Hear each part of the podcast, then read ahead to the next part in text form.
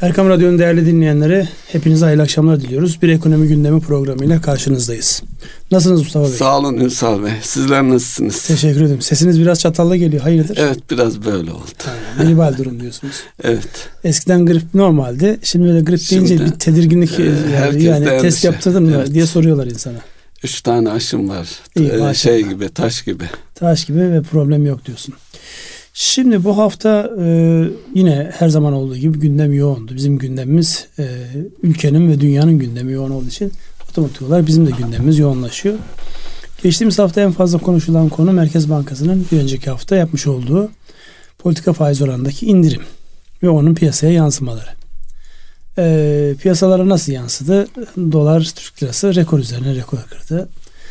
E, borsada çok fazla şey yok. Bir aşağı bir yukarı gidiyor. Onun haricinde genel anlamda baktığında bundan sonraki adımlarıyla alakalı Merkez Bankası'nın ne yapacağı ile alakalı ve ne yapması gerektiği ile alakalı çokça yorum var. Çokça spekülasyon var. Bugün de e, özellikle imalat sanayi ile alakalı önemli bir veri açıklandı. Orada bir geri çekilme var. Herkes dolu dizgin çalışıyor ama satın almacılarının endeksinde bir geri çekilme var. Bir de yine bugün yayınlanan bir veride güven tüketici güven endeksinde de bir. Bu Bloomberg'un yayınlamış olduğu. Onda da bir geri çekilme var. Şimdi bunları değerlendirdiğimizde gireceğimiz çok konular var da bir Merkez Bankası'nın almış olduğu bu kararın piyasaya yansımaları sizin baktığınız yerden nasıl görünüyor? Şimdi e, bir e, geçen haftaya dönecek olursak beklenti anketinde bir e, ekonomistin 50 baz puan e, indireceği, diğerlerinin hepsinde sabit bırakacağı yönünde görüşü vardı. Dolayısıyla 100 baz puanlık bir iniş oldu. Bu artık şunu gösteriyor. Merkez Bankası çekirdek enflasyonu dikkate alacak ve doğal olarak da önümüzdeki süreçte faiz indirimi devam edecek. En azından yılbaşına kadar e, enflasyon artık çekirdek e, enflasyona bakıldığı için e, orada zaten boşluk var biliyorsunuz. E, Boşluk geçen ay vardı. Bu ay yani dün gece itibariyle doğalgaza yapılan zamı da hesaba kattığınızda e, şimdi pazartesi bekleyelim bence girmeyelim o tarafa. bekliyoruz. Bugünkü e, e, görüntüye göre en azından zaten e, beklentiler de var. Aralık ayında 100 bas puanlık bir indirim bekleyenler de var. Tabi bugünden zikrediyor. Bu 100 olur, 150 olur. Artık aşağı doğru ineceği yönünde faizlerin bir beklenti var. Tabi bu e, zikrettiğiniz husus var ya Ünsal Bey. E, üretim ya, yani ekonomide bir yavaşlama mı var diye. Bu sadece bizim ülkemiz açısından Bütün değil. dünyada. Küresel bir e, sorun olarak ortada.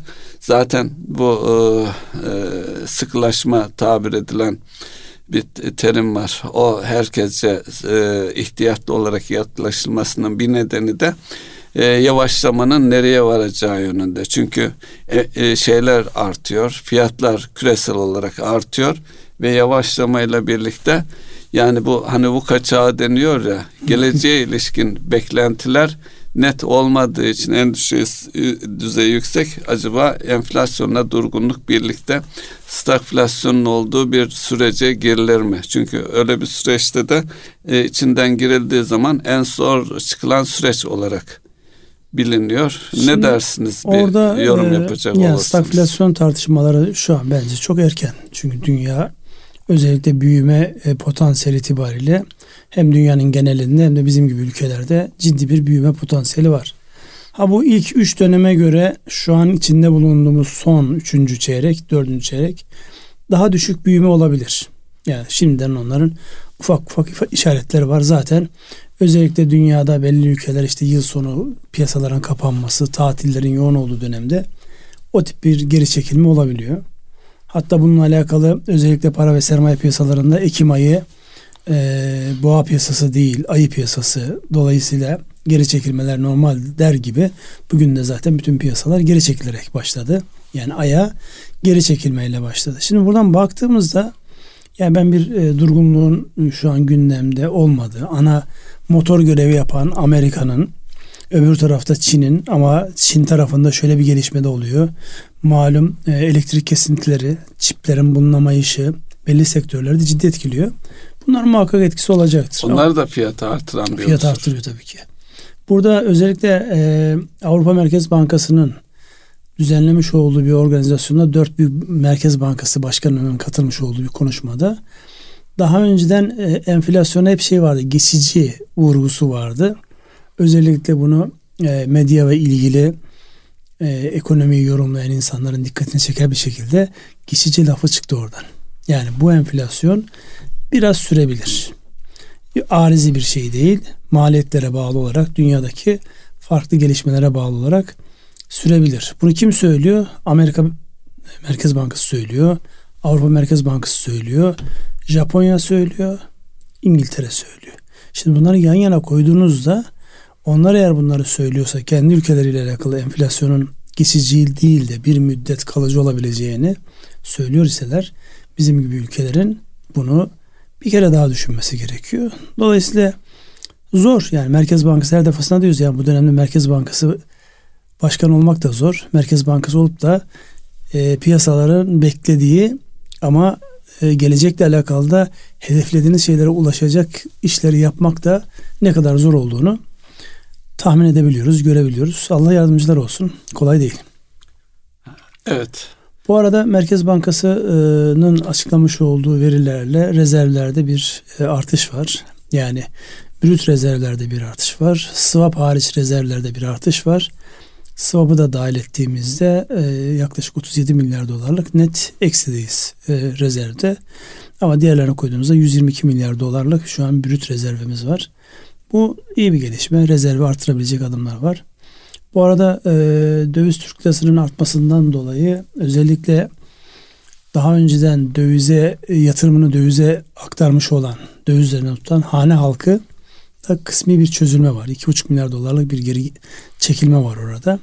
Dolayısıyla e, dövizin yukarı gitmesi artık bizim insanımız da öğrenmiş döviz üzerinden e, ticaret yapmayı bu fiyatları satış fiyatları olarak değerlendiriyorlar. Buradan almıyor kimse. Buradan satıyorlar. Dolayısıyla öyle bir e, gelişme var. E, yani bunların yansıması da bu şekilde. Dediğim gibi önümüzdeki günlerde e, göreceğiz. Merkez Bankası'nın yapmış olduğu para politikası kurulunun yapmış olduğu almış olduğu kararın açıklamasında bu hafta o açıklama vardı. Yani açıkçası çok böyle e, yani beklenmeyen bir açıklama yoktu orada. Ben görmedim. Siz gördüyseniz buyurun. Yani biraz e, biz bunu niye yaptık? Önde, önden gördük ne tarafa doğru gideceğini. Yani ne kadar önden görüldüğü, dünyayı da değerlendirdiğimizde hep beraber önümüzdeki toplantılarda daha değerlendireceğiz. Ama çekirdek mevzu yani şunu söyleyeyim çok böyle insanları aklına yatmadı. Yani Merkez Bankası oraya tutundu ama insanlar onu çok sahiplenmedi. Zaten şeylere baktığınızda 5 yıllık, 2 yıllık ve 10 yıllık tahvil faizlerine baktığınızda orada bir geri çekilme yok. Ee, bir de şu açıdan e, bakan, bakılması gerekir. Ee, TL'de e, dolarizasyonun tekrar başlama riski. Her ne kadar e, e dövizde bir çözülme olsa da döviz mevduatlarında Böyle bir riskin oldu. Dolarizasyonun başlayabileceği. E, bugünden e, geçerli olmak üzere biliyorsunuz mevduatlardaki stopajlar yıl sonuna kadar uzatıldı. Evet. Yani e, faiz indirimine bağlı olarak Türk lirasını destekleyen evet, Türk lirası uygulaması. mevduat faizlerinde de geri çekilme bankaların yapacağı yönünde şey var. Dolayısıyla Türk lirasında kalan insanların getirilerinde hele hele e, enflasyonu manşet enflasyonu dikkate alınırsa ciddi bir erozyon söz konusu olacak. Onu e, tekrar dolarizasyon hızlanmasını engelleme adına çünkü o e, konuda endişeler yüksek. E, stopajları yıl sonuna kadar uzattılar. Evet. Bu da e, olumlu bir gelişme olarak zikredilmesi Burada e, Türk lirasına, bir şey. Türk lirasına doğru bir kayışın olması noktasında yani alınan tedbirlerden bir tanesi. Ee, burada önemli olan kalan e, aylarda yani Kasım ve e, Aralık ayında özellikle Merkez Bankası'nın duruşu yakından izlenecek. Hatırlarsanız daha önceden konuşulan e, mevzu neydi? Yıl sonuna kadar 250 bas puan e, bir indirimin olacağı konuşuluyordu. Yüzü geldi. Bundan sonraki iki ayda acaba dendiği gibi 250 bas puan olur mu? Olursa yani Kasım yansıması Aralık yansıması nasıl olur? Orada baz etkisinden dolayı enflasyonun düşeceği bekleniyor idi. Fakat dünyadaki özellikle bu maliyetlerden kaynaklanan artışlar, işte petrol fiyatları 80 dolara yapıştı neredeyse orada duruyor. E bizim açımızdan baktığınızda hem varil bazında petrol yukarı gitmiş hem kur yukarı gitmiş. Dolayısıyla onun içerideki maliyetleri e, görülecek. Yan yana koyduğumuzda Merkez Bankası'nın e, Aralık'ta, şey, Kasım'da ve Aralık'ta ne yapacağı şimdiden tabii çokça konuşulur hale geldi. Yani bu mevzuyu çokça konuşacağız. Ama dünyaya baktığımızda özellikle enflasyonun yukarı gideceği ile alakalı az önce de söylediğimiz gibi bir beklenti var. Herkesin ağız birliğine etmişçesine şu an mevcut gelişmeler, konteyner maliyetleri, elektrik kesilmeler içinde bazı ham maddelerin bulunamayışı gibi unsurlar önemli rol oynayacak gözüküyor. Ünsal Bey bu arada geçtiğimiz daha doğrusu bu hafta içerisinde İş Bankası Genel Müdürü'nün bir açıklaması vardı. Özellikle Merkez Bankası'nın aldığı kararı değerlendirirken sanki bilinçli olarak döviz kurunun yüksek tutulması tercih ediliyor. Dolayısıyla bu yüksek kur nedeniyle e, şu anda da e, e, cari açıkla ilgili dış ticaretle ilgili konulara da gireriz herhalde. Yani bu e, politika çerçevesinde özellikle ihracatın artışı ve ihracatın artışını destekleyecek e, şekilde yatırımların da artacağı yönünde bir e, beklenti hatta bu e, yani ihracata yönelik yatırımları kolaylaştırma adına faizlerin de aşağı getirilmek istendiği şeklinde bir yorumu vardı ve bunun da e, bir eleştirel değil de bir tercih olarak ortaya koydu ve e, bunun da devam edeceği yönünde bir şey çizdi. E, ne bileyim bir yol haritası olarak gördüğünü ifade etti. E, ne dersiniz? Yani o konuşmayı ben de izledim. Ee, bir kere şöyle bir şey vardı. Zaten olması gereken de bence o. Artık bir karar alınmış. Bu kararın yani nereye yaslandığı, gerekli miydi, değil miydi açıklamaları. Şu an bir karar var. Bu kararın taraflara e, zarar vermeden hayat bulması için herkes elinden geleni yapmak zorunda. Burada özellikle e, ekonomiyi büyütmek anlamında kamu bankaları ağırlıklı olmak üzere ticari kredilerin tekrar canlandırması noktasında da bir hareketlenme var. Dolayısıyla yani kurların yukarıda olması evet ihracat açısından önemli bir başlık. Ama bizim ihracatımız %65 hatta %70'e varan oranda ithalata bağlı. Yani ağırlıklı olarak yurt dışından ham madde alan bir ülkeyiz. Bunları düşündüğümüzde e, yani hem ekonomiyi canlı tutacağız, ihtiyaç duyduğu kaynağı sağlayacağız. Öbür taraftan da enflasyonu hortlatmadan yani yolumuza devam edeceğiz. Bu çok ince bir çizgi. Yani o konuşmada benim de gördüğüm yani pozitif bakılıyor insanlar tarafından. Yani gelişmeler izlenecek.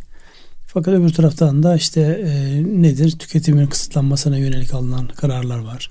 Bunların hepsi ticari hayatın canlı kalmasına yönelik açıklamalar. Yani pozitif bakmak isterseniz pozitif göreceğiniz çok şey olabilir. Evet. Negatifte baksanız negatif göreceğiniz çok şey olur. Onun için biz objektif bakmaya çalışalım. Elimizin, dilimizin döndüğünce onu da yapmaya çalışalım. Bu arada ara vermek zorundayız. İşaret geliyor. Değerli dinleyenler kısa bir aradan sonra tekrar geliyoruz. Evet kaldığımız yerden devam edelim.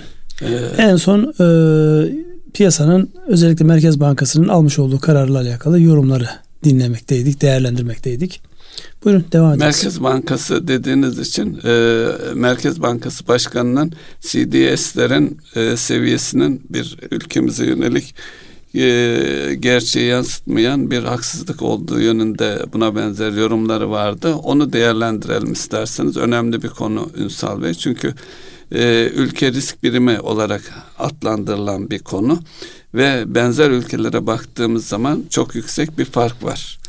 Yani e, benzer ülkelerden 100-200 e, e, baz puan seviyesindeyken bizimki 400 baz puanın üzerinde. Bu şu anlama geliyor. Yurt dışındaki borçlanmalarımıza bu bedelde ödüyoruz. Hatta buradaki CDS'deki e, miktarlara bakıp derinliği ne kadardır bilemiyorum. Sanki bu kullanılarak e, bizim e, finansman ihtiyacımızın fahiş hale getirilmesinde kullanılan bir araç olarak mı e, görmeliyiz bilemiyorum. Ne dersiniz siz yorum olarak? Şimdi yani hissiyat olarak e, birçok insanın hissettiği bir şeyi söylüyor. Yani biz burada hak etmediğimiz bir risk primi ile muhatabız.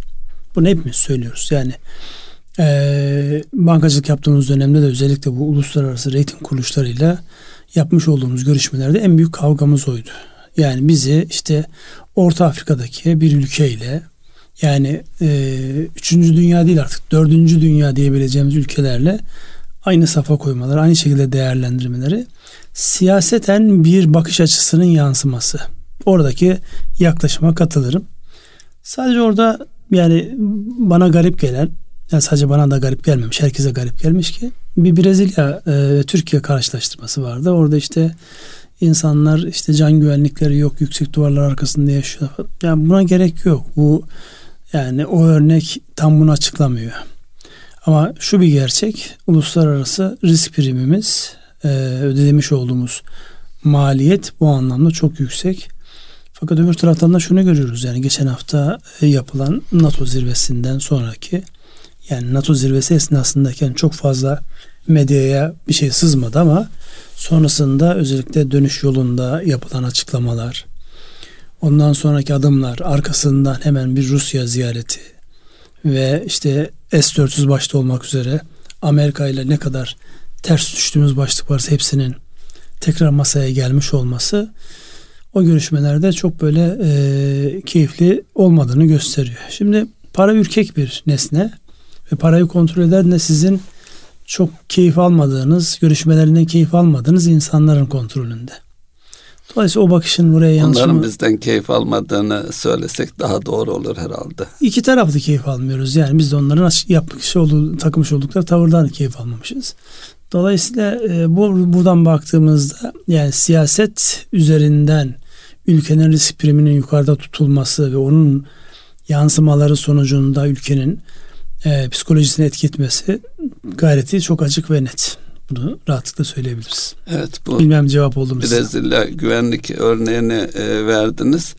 E, bir haber dikkatimi çekti. E, e, Hollanda Başbakanına koruma tahsis edilip koruması artırılmış. Nedeni de e, daha önce bir gazeteci e, mafya tarafından biliyorsunuz Amsterdam dünyanın suç başkentlerinden birisidir. Dolayısıyla öldürülmüş. Onunla ilgili mutlaka bulunacağına ilişkin söz vermiş ve e, cum şeyine başbakana yönelik e, mafyanın bir tehdidi üzerine e, alınan bir karar. O da e, yani ülkemizdeki güvenlik e, seviyesiyle Batı ülkelerini kıyaslamak açısından istatistiki olarak daha iyi olduğumuzu da söylemeliyiz. Ya o konuda bir şüphe yok yani 20 milyonluk İstanbul'da yaşıyorsunuz. Şey belli yani Allah e, nazardan saklasın. Yani suç oranı ve bunun şeyi belli ki yani dünyanın her tarafından göç alan, bu kadar kozmopolit olan bir ülkede çok şükür bu anlamda e, oldukça iyiyiz. Yani o konuda herhangi bir problem yok. Değil mi? Nereden baktığınızla alakalı. Şimdi bir taraftan e, özellikle yabancı yatırımcılara bakınca Merkez Bankası'nın almış olduğu karara istinaden geçen hafta ne gördük? Yaklaşık 400-420 milyon dolarlık bir tahvil satışı yani yabancılar tahvili satmış çıkmışlar. Ona karşılık yaklaşık 40 milyon dolar gibi bir hisse senedi almışlar. Şimdi bir taraftan da şunu çok net görüyoruz artık dövizin yukarı gitmesinden, Türk ekonomisinin canlılığından değerlerimiz çok ucuz kaldı. Dolayısıyla bu değerler öyle ya da böyle birilerinin ilgisini çekecek. Neyi bekliyorlar sorusunun cevabı olarak herhalde e, alternatif piyasalardaki getirilerin e, biraz daha azalmasını bekliyor. Çünkü biz hep gördük geçmişte. Yani böyle havalar kötüyken birden bir ilgi uyanıp içeriye yoğun bir portföy yatırımının girişi. Yani sadece portföy yatırımı girmiyor son dönemde. Özellikle e, yabancı e, yani stratejik yatırımcı diyebileceğimiz şeyler giriyor. Hatta bugün e, bir şey vardı bir elektrik dağıtım firmasının yani büyük bir grubun sektörden çıkıp bunu bir yabancı uluslararası bir fona devrettiği ile alakalı bir haber düştü. E, haber sitelerinde. Dolayısıyla hepsini değerlendirdiğimizde bu bir süreç. Yani Yavuz Sultan Selim'in de e, Allah rahmet eylesin hani diyor ya Gamına gamlanma olma mahzun, demine demlenme olma mağrur. Ne gam baki, neden baki, yahu diyor. Şimdi ne gam baki, neden baki. Bizim yapmamız gereken bunların geçici olduğunu bilmek ama tedbir almak. Ortak aklı işletmek diyeyim. Siz yine gündeminizde devam ediniz lütfen. Peki bu arada e, enerji krizi. Şimdi e, doğalgaz ön plana çıktı. Doğalgazla başlayan tüm dünya e, önce dünyayı ve sonra ülkemize yansımaları açısından bir değerlendirme yapmamız e, uygun olur herhalde. Çünkü her yıl 40 milyar doların üzerinde bir fatura ödüyoruz enerjiye. Şu anda geldiğimiz noktada özellikle doğalgazla e, son bir yıla göre yüzde yüzü aşan e, fiyat artışları var ve e, tüm ülkeler bu önümüzdeki kışın çok sert geçeceği yönünde bir beklentiyle herkes enerjiye, enerji tedarikine odaklanmış durumda. Genel olarak bir değerlendirme yaparsanız doğalgaz, petrol, elektrik bu arada. Sonra da bizim e, doğalgaz zam, zamına ve elektrik e, zamının e, gündemden çıkarılmasına yönelik e, yorumunuzu bekleyelim. Şimdi orada hafta içerisinde Merkez Bankası Başkanı demişti ya CDS'lerin bu kadar yukarıda olmasını anlayamıyorum demişti. Onun üzerine millet yağdırdı. Madem sen bunlarla birisi değişim var arada. Şimdi ben de şunu anlamıyorum. Dünya ısınıyor mu soğuyor mu? Yani bir taraftan dünyanın ısındığından bahsediliyor. Öbür taraftan dünya aman işte çok soğuk kışlar geliyor. Aman tedbir alalım. Ee, bir de e, iklim krizi diyorlar. İklim krizi. Bir de şöyle bir şey var. Ee, birisi övdüğü zaman hemen ben huylanırım. Rusya'nın e, zannedersem başkanlık sözcüsüydü. Peskov'un şey vardı. Türkiye'nin ne kadar akıllıca bir adım atarak Türk akımı projesini yapmasının ne kadar akıllıca olduğunu överek anlatıyor. Orada tabii doğalgaz fiyatları almış başını gitmiş yani. Evet. İki buçuk üç katına çıkmış. Yüz dolarları geçmiş. Onların ihracatını kolaylaştıran ee, bir tabii. yatırım. Dolayısıyla. Gerçi biz de bir üzerinden bir şey alıyoruzdur. E, doğrudur ama netice itibariyle siz net kullanıcısınız. Net tüketicisiniz burada. Dolayısıyla buradan baktığımızda evet önümüzdeki günlerde e, maalesef bu enerji krizi ya da enerji bağlantılı e, problemler, ekonomik problemler kendini fazlasıyla gösterecek. İşte bugün yine haberlerde vardı. OPEC fiyatları aşağı düşürsün diye Amerika baskı yapıyor. Çünkü kendisinin çıkarmış olduğu şeyin maliyeti biraz daha yukarıda. Trump'ı dinliyorlardı da Biden'ı dinlemiyorlar galiba. Öyle gözüküyor. Yani bir de tabii Biden daha böyle sessiz kalan bir adam. Trump her e, şeyi attığı tweet e, dünyada olay oluyordu yani. Bir enteresan bir e, figürdü yani. O da siyasi tarihe yazıldı, geçti gitti. Onun için bu önümüzdeki dönemde dediğiniz doğru. Enerji bağlantılı olarak çok pazarlık yapılacak. Şu an kim eli kuvvetli? Rusya'nın eli kuvvetli doğalgaz çıkaran işte e, ülkelerin İran, aşağıda Katar, Afrika'da Nijerya. Ve Doğu Akdeniz daha da önemli hale geldi. Doğu Akdeniz daha önemli hale geldi. Zaten anladığımız kadarıyla NATO görüşmelerinde sonra Doğu Akdeniz'le alakalı özellikle vurgu yapılması onlara işaret. Yani gündemimiz bütün hızıyla devam edecek. Öyle öyle ee, görünüyor. Bir de bu yıl e, sanıyorum bir çelişki yaşanacak. Bu yeşil enerji özellikle e, Paris Anlaşması'na da büyük bir ihtimalle e, meclisten geçireceğimizi düşünürsek kömürü azaltmamız gerekiyor. Doğalgaz ön planda. Doğalgaz da aslında ee, o da fosil yeşil, yakıt. Fosil yakıt. Onunla da ilgili şey var. Şimdi bu enerji krizi e, ve e, yeşille ilgili alınan tüm dünyadaki genel eğilim e, kömüre ve diğer e, fosil yakıtlara olan ilgiyi daha e, diğer bir ifadeyle yatırımları azalttı. Hatta finansman yönüyle finans kuruluşları yüzde 90 seviyesinde azaltmış. Yani bir kömür santrali kurmaya kalkarsanız neredeyse finansman bulmanız mümkün değil gibi bir noktaya gelmiş durumda. Ama şu içinde bulunduğumuz koşullarda da e, tüm ülkeler batı dahil olmak üzere, kömür dahil olmak üzere yana döne kömür de arıyorlar. Hatta Rusya'ya yönelik baskılar da yapıldığı söyleniyor kömür üretimini artırması için. Bu çelişkili süreçten nasıl geçeceğiz?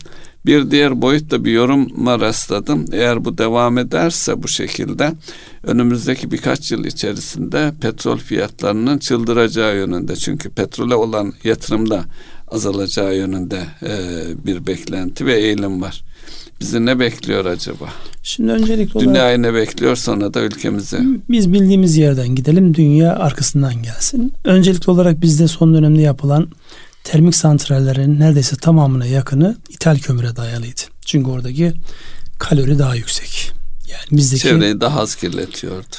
öncelikli kaloridir. Sonra e, ikinci adımı şey, Birbirine bağlantılı bağlantı sanıyorum tabii. teknik olarak. yani bizdeki linyetin ortalaması e, işte 2700 kalori ise orada 4000, 5000, 6000 kalorilere kadar çıkıyor. Bunun istisnası sizin öğrencilik yıllarınızda Erzurum'da sobalarda yakılan Cizre kömürü diye bir kömür evet vardı. mısınız? kaynayarak yanardı Ünsal Bey. Kaynayarak yanardı. Onun yalnız. bulunduğu işte bizim Güneydoğu'da e, fay hatlarıyla yeryüzüne çıkmış. Oradaki kalorinin yüksek olduğunu biliyoruz. Bir dönem çok yoğun yatırım yapma ihtiyacı hissetti grupların tamamı. Yani bundan yaklaşık 10-12 sene önce neredeyse her grubun gündeminde bir e, termik santral kömüre bağlı olarak bir enerji santrali kurma şey vardı. Hatta o dönemdeki işte e, teknik kavram olarak akışkan kömür e, ter, santrali gibi böyle akışkan, Akışkan yataklı, yataklı.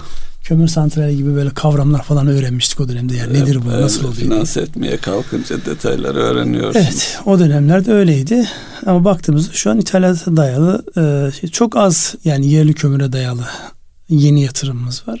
Şimdi bunu düşündüğümüzde dünyadaki kömür fiyatlarının yukarı gitmesi tabii bizler nihayetinde yolsa elektrik olarak onlar öncelikle o değil öncelikle üretim yapması istenen e, tesisler değil ama onların hazırda emre amade olmaları e, asıldır.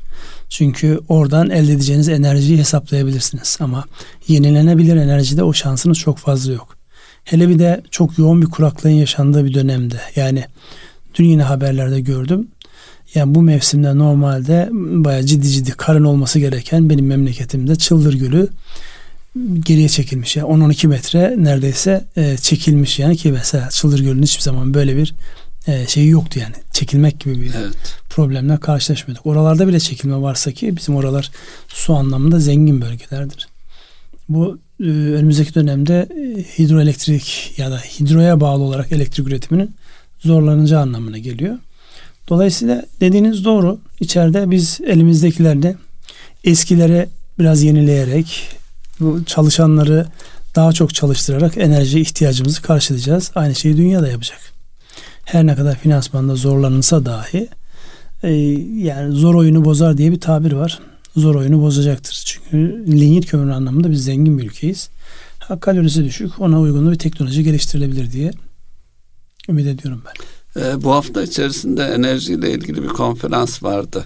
Enerji Bakanımızın da konuşmacı olduğu bir konferansta. Orada benim e, bazı oturumları artık e, sanal ortamda olduğu için e, bir dinlemek şans. e, büyük bir şans. İzleme imkanım oldu. E, yine bu sadece Türkiye'deki enerji yapımızla ilgili. Yani kömür bazlı e, üretimler ve e, şeyle ilgili fosil yakıt bazlı üretimlerle ilgili yansımasının özellikle Batı ülkelerine yapılacağımız ihracat yapacağımız ihracatta sınırdaki karbon vergisini kastediyorum Ünsal Bey. 1.8 milyar euroya varan bir ilave vergi maliyetinin çıkacağı söyleniyor. Bu da e, dikkate almamız gereken ve hızla çözmemiz gereken bir handikap. Ee, bu arada yeni bir e, ihale e, daha e, güneşle ilgili e, bir şeye çıkılıyor. O da sevindirici bir durum gerçi.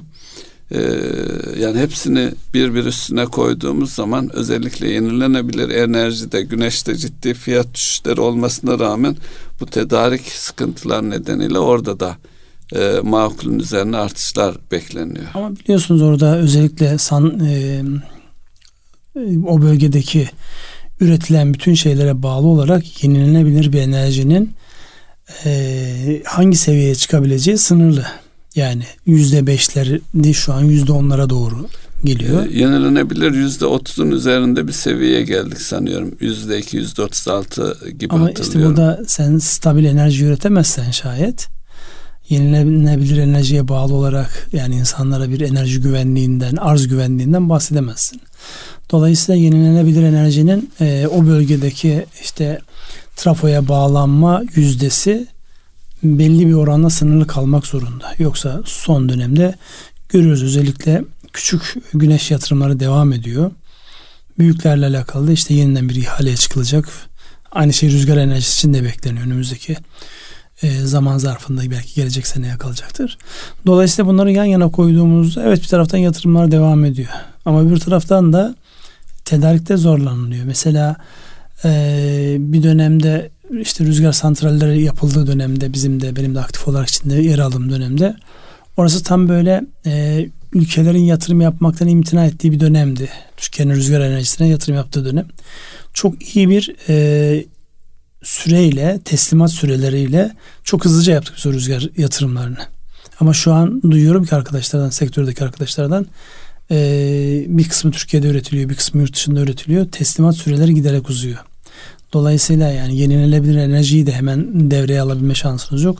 Netice itibariyle onların bir hazırlık süresi var, bir yatırım süresi var. Bir de o e, yatırım araçlarının tedariki süresi var. Bunlar hep birlikte baktığımızda e, güzel olan evet yenilenebilirde ciddi bir paya ulaştık. Ama biz yine sabit enerji ihtiyacımız var. Yani ister bunun doğalgazdan üretin, ister Nükleer kömürden. 23'te ilk ünitesi devreye Evet. girecek. O bir İster rahatlama nükleer. sağlar sanıyorum. sağlar. Ne kadar İhtiyaç da artıyor bu tara- bir taraftan da ihtiyaç da artıyor ama yani iyi bir e, adım olacaktır o. En azından arz güvenliğini sağlamak açısından iyi bir adım olacaktır. Ee, bu arada e, elektrik kesintisi yaşamıyoruz. Çin'de ciddi elektrik kesintileri var. Üretimleri de etkileyen seviyede. Ee, onu da vurgulamak lazım. Ama bu her türlü yenilenebilir de en büyük sor, e, şeylerden biri de iletim hatlarında ilave yatırım yapma ihtiyacı olmaksızın e, gerçekleştirmek. Ee, ne diyorsunuz o konuda Ünsal Şimdi Bey? Çünkü önce daha Çin- Çin tarafına bir şeyler söyleyelim. Yani Üretim e, kuruyorsunuz ama e, enerjiyi verecek hatta yer yok. Şimdi önce Çin'deki Kapasite yok. elektrik kesintilerinin yansımasına bakalım. Çin şu an yani kabul edelim ya da etmeyelim dünyanın üretim üssü. Dolayısıyla orada belli fabrikaların çalışmıyor olması, haftanın işte 3 günü 4 günü çalışmıyor olması. Bazıları bir buçuk iki aylık sürelerle e, izne gönderilmiş. Fabrikalar kapatılmış. işçiler geçici olarak çıkarılmış. Hatta Çelik üretimleri çelik üretiminde e, bir taraftan da mesela bugün Almanya ile alakalı bir haber vardı. Almanya'daki bir otomobil e, markası çip bulamıyor diye 1300 tane işçisini geçici olarak işten çıkarmış. Şimdi bunların hepsini yan yana koyduğumuzda yani şu, bugünden öngörmediğimiz bir problem geliyor üzerimize doğru. Bu e, işte iletim hatlarından mı kaynaklanıyor, üretimden mi kaynaklanıyor, hepsinden mi kaynaklanıyor bunu ülke ve lokasyona göre değişecek. Ama görünen o ki önümüzdeki dönem üretmenin dışsal faktörlere bağlı olarak zor olacağı bir sürece giriyoruz. Bunların ne kadarını biz alternatif üretebiliriz, ne kadarını kendimiz telafi edebiliriz diye baktığımızda bir kısım yeni yetenekler kazanacağızdır. Ona inanıyorum. Ama bir kısmı da tamamen dışarıya bağımlı olduğumuz için belki biz de orada frene basmak zorunda kalacağız. Evet. Yeni gaz e, fiyatlarına yüzde on beş zam yapıldı. Elektrik fiyatlarına da sabit tutuldu. E, Gaz derken elektrik derken e, şunları da zikretmemizde yarar var. E, enerji üretiminin bir kısmını e, özellikle Emre Amade tarafında en etkin olan e, santrallerden birisidir. Elektrik üreten e, santraller yüzde on beş gazı zamla alacak E, ancak elektrik fiyatı da bu ay sabit tutuldu. E, bunu nasıl yorumlamalıyız? Bu arada sadece gazdaki fiyat artışı elektrikle bağlantılı değil. Konutlarda bir artış olmadı biliyorsunuz. Yani camdan, seramikten tutun birçok sektörde e, ciddi biçimde e, doğalgaz kullanılıyor. E, ne olacak? Şimdi olacağı şu. Şimdi üretimci tarafına baktığınızda zaten fiyatlara, nihai fiyatlara yansımayan bir 20-25 puanlık bir bandımız vardır. Öbür tarafta üreticiyi ilgilendiren e, girdilerdeki ilave bir maliyettir bu. O'nun anlamı şu. Ya üreticiler ya karlarına biraz daha ezecekler ya da üretmeyecekler. Yani netice itibariyle maliyetler artıyor. Şimdi bu e, bu tartışmayı biz çok yapacağız. Yani ne neyin sebebiydi, enflasyona ne sebep oldu, işte yapılan doğal gaz zammı enflasyonu tetikler mi, niye e, Kasım ayına şey Ekim ayına girerken tam böyle ucu ucuna yapıldı gibi sorular. Bunların hepsi önümüzdeki günlerde rakamları yansıdığı zaman göreceğimiz hadise. Ama şu bir gerçek. Yani bir birikiyor. Enerji bir tarafta bir birikiyor. Bu sadece bizim enerjimiz değil. Dünyadaki bütün herkesin kafasını zaten o dört büyük merkez bankasının konuştuklarına bakınca önümüzdeki dönem yani dünyayı tekrar böyle gerileceği bir döneme girdiği anlamındaki kuvvetli işaretler vardı orada. Onun için e, yani bu nasıl yansır sorusunun cevabını e, sizin gibi ben de bilmiyorum. Göreceğiz. Beraber göreceğiz. Bu arada havalar soğuyor. E, yani bireylerin, e, kurumların, herkesin tüketim işte, artacak. Pencereleri çeşitli enerji tasarrufuna yönelik özellikle şeyler varsa e, sıkıntılı yerler gözden geçirmek, tamir etmek önem arz ediyor. Yeri gelmişken teknoloji ve e, büyük datadan da bahsetmek lazım. Bir e, yine bir e, şeyde e, webinarda, konferansta e, özellikle e, fabrikalar için büyük değirmen ve fırınları olan e, tesisler için dijital e, verileri kullanarak yüzde yedi sekize kadar tasarruf imkanının sağlanabildiği yönünde gelişmeler var. Belki bunlara daha fazla ağırlık verilecek ama birey olarak herkesin bu konuda da e, e üzerine düşmesi, e, düşeni yapması. Belki e, ısıyı düşüreceğiz, biraz daha kalın giyineceğiz evlerimizde. Yani enerjiyi verimli kullanmak anlamında akla gelecek her türlü tedbir uygulanacaktır. Bir kısmı gönüllü olarak bilinçten kaynaklanacak, bir kısmı da mecburiyetten kaynaklanacak. Çünkü faturalar oldukça evet. arttı. Yani e, hangi gerekçeli olduğu çok önemli değil ama faturaların artması insanların satın alma gücünün düşmesi anlamına geliyor. Dolayısıyla daha az bir e, parayla e, daha doğrusu aynı parayla daha az hizmet, mal ve hizmet almak gibi bir ince bir çizgide kalacağız. O dengeyi yöneteceğiz. Bizde çok fazla böyle ev ekonomisi ve e, ev finansı ile alakalı şeyler çok e, üzerine kafa yorulmaz. Batı'da çok yaygındır böyle. Herkes alır kuruş kuruş hesaplar. İşte bin, bin euro aldıysam. Buna ihtiyacımız var galiba. E, bin euro aldıysa onu nereye harcayacağını kalem kalem yazar. Boşluk oluşacaksa onu nasıl telafi edeceğini yazar. Biz buna çok bakmazdık ama geldiğimiz yer biraz onu gerektirecek. Yani finansçı olmayanlar da finans yönetimi ile alakalı ciddi bir kafa yoracağı döneme giriyoruz. Dolayısıyla doğrusunuz. Enerji verimliliği başta olmak üzere e, gelirle gider arasında dengeyi kurmak için e, ciddi kafa yorulacak bir dönemdeyiz şu an. Bunu söyleyince aklıma şey geldi. Sağlıkla ilgili birçok uygulama var. Acaba bunlarla ilgili bu akıllı telefonlarda hesap kitap yapmak için uygulamalar var mı diye aklıma geldi. Bakacağım ona vardır mutlaka diye düşünüyorum. Kesin vardır yani özellikle uygulama olarak geliştirilmiş şeyler var. Tabi bu arada yine bugün e, yansıyan haberlerden bir tanesi. Bu da doğrudan gıda enflasyonunu ilgilendiren hadise. Buğday e, rekor fiyatlara gelmiş vaziyette ve stoklar dip yani dünyadaki herkesin birbirine uygulamış olduğu şeyler. Evet. Buna nasıl bakacağız? Ee, gıda güvenliği e, sorunu e, o da büyük bir handikap. E, bilmiyorum e, dünyadaki bu şey nasıl aşılacak.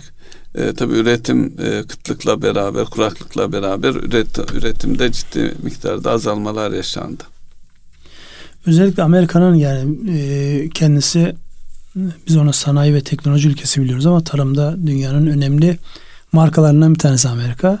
Amerika'daki işte buğday fiyatlarının işte son 3 haftanın en üst seviyeye gelmesi ve stokların e, dip seviyede olması gibi bir açıklama zaten burayı tetikledi yukarıya doğru. Yani artık herkes birbirine bağlı. Yani dünyanın öbür tarafında ne oluyor bana ne cümlesini kurmak hiç kimsenin lüksü yok öyle bir cümleye. Diyemiyoruz. Evet. Bir yerde bir şey olunca. Mesela e, geçen hafta e, Evergrande konusunu konuşmuştuk. Bu hafta FED başta olmak üzere Japonya, Avrupa Merkez Bankaları hepsinin gündeminde e, bunun bizim ülkemize yansımaları nedir diye araştırılıyor. Araştırdıklarını ifade ediyorlar. Bazıları bizde problem yok gibi açıklamalar var. Demek ki bir yerde bir sıkıntı varsa bu tüm dünyada uzantıları var. Yani var rakam çok büyük çünkü. Bir de dünya 2008-2009'da bu e, Amerika'dan başlayıp bütün dünyaya yayılan ağır fatura ödediği için acaba onun gibi bir şey mi diye e, bir korktular yani. En büyük borç verenler herhalde. kim? Tabii borç verenler kim? Çünkü hatırlarsanız Amerika'daki yani Amerika'da ev alan insanların e, borçlarına istinaden çıkarılan kağıtlar dünyanın dört bir yanında alıcı bulmuştu. Çünkü Lehman'ın rakamı 650 milyar dolarda Evet. hatırladım Evet. Burada 300 milyar dolardan bahsediliyor. Şimdi Lehman'la burası aynı değil ama e, şu korku var. E, biliyorsunuz o dönemde e, yani bu yok olan paralarla alakalı tam kesin rakamlar açıklanmadı. Yani 1 milyar Türkiye'den gitti, 3 milyar Hollanda'dan gitti, 5 milyar Almanya'dan Hesabı gitti. sorulmadı yani. Hesabı sorulmadı. Dolayısıyla yani onun tam boyutu görülmedi. Bence buradaki en temel esprilerden bir tanesi ya da korkulardan bir tanesi acaba benzer bir durum var mı? Yani görüntüde 300 milyar gibi görünüyor. Acaba arka tarafta buna bağlı olarak bir finans mühendisiyle üretilmiş bir ürünler var mı gibi bir endişe taşınıyordu ama şu an yapılan açıklamalara baktığımızda evet etkisi olacaktır ama çok fazla değil deyip herkes yani gördük işimize bakıyoruz mesajını veriyor. Bu arada Çin hükümeti de 24 bankayı toplayıp onlara bunu çözün çözüm bulun diye talimat vermiş. Bu da yansıyan bir haber. Ne yani. güzel. Şu an Ee, biliyorsunuz ilk onda dünyanın en büyük ilk 10 e, bankası arasında 3-4 tane Çin bankası var. Yani Çin bankacılık sistemi dünyada çok büyük bir yere geldi. Onun için bu rakamı çok rahatlıkla çözerler. Ben yani bir problem olacağını İsterlerse çözerler ama yansıtmak isterlerse de zaten yansıtırlar. ya Çin'in hala komünist bir rejime sahip olduğunu unutmamak lazım. İstemek ne demek? Ee, Çin Komünist Partisi başka ülkelerin vatandaşlarının e, zararını öder mi? Soru bu. Başka ülkelerin zarar ödemesine gerek yok yani o şirketi eğer ayakta tutacaksa netice itibariyle bir şey var. İtibar yönetimi var burada. Yani bir taraftan siz dünyanın en büyük ikinci ekonomisisiniz. Gelecek 10 yılda bir, bir numaraya doğru göz kırpıyorsunuz ama itibarınızı e, çizip geçiyorsunuz. O kolay bir hadise değil. Yani ben dışarıda olduğunu çok düşünmüyorum. Çünkü Çin zaten kaynak fazlası olan bir ülke. Yani dış ticarette fazla veriyor, her tarafta fazla veriyor. Amerikan bonolarını kim satın alıyor? Ağırlıklı olarak Çin e, bankaları ve Çin fonları alıyor. Dolayısıyla buradan baktığımızda ben e, yani o anlamda bir zarar telafi edilmemek gibi durumun söz konusu olacağını düşünmüyorum açıkçası. Bu arada e, dış ticaret fazlasından bahsettiniz. Bizim dış ticaret istatistikleri açıklandı. Onlara bakalım isterseniz Ünsal Bey. Buyurunuz. E, Ağustos ayı itibariyle ihracatımız yüzde 51,9, ithalatımız yüzde 23,6 artmış.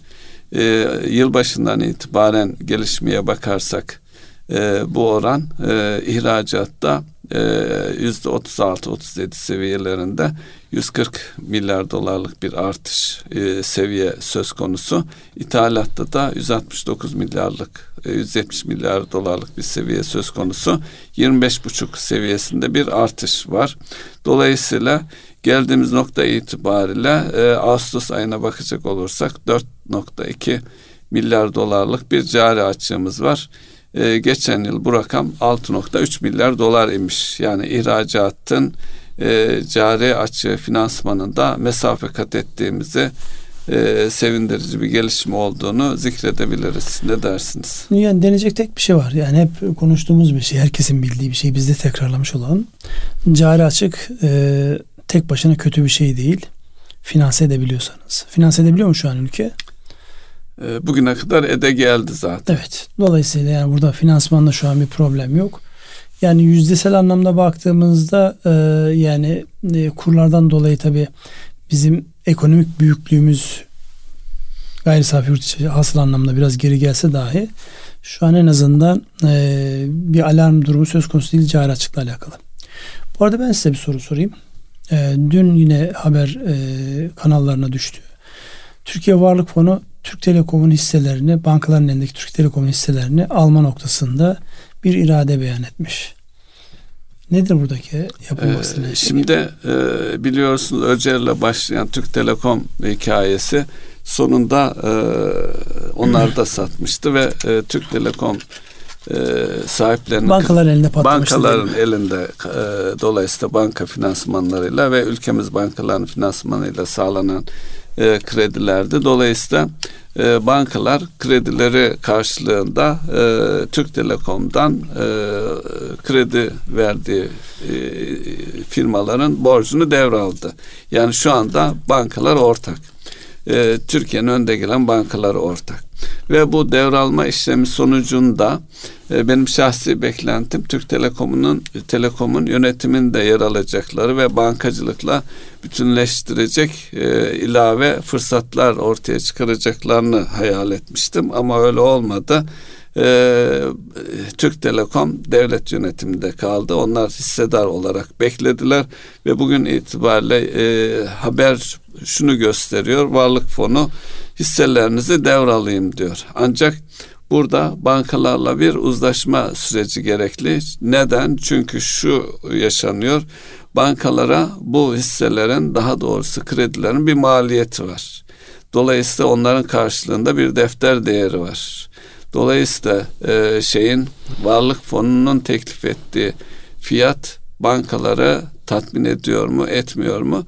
Orada bir e, ne bileyim bir pazarlık, bir uzun sürebilecek, kısa da sürebilir e, bir e, yaşanacak bir süreç var.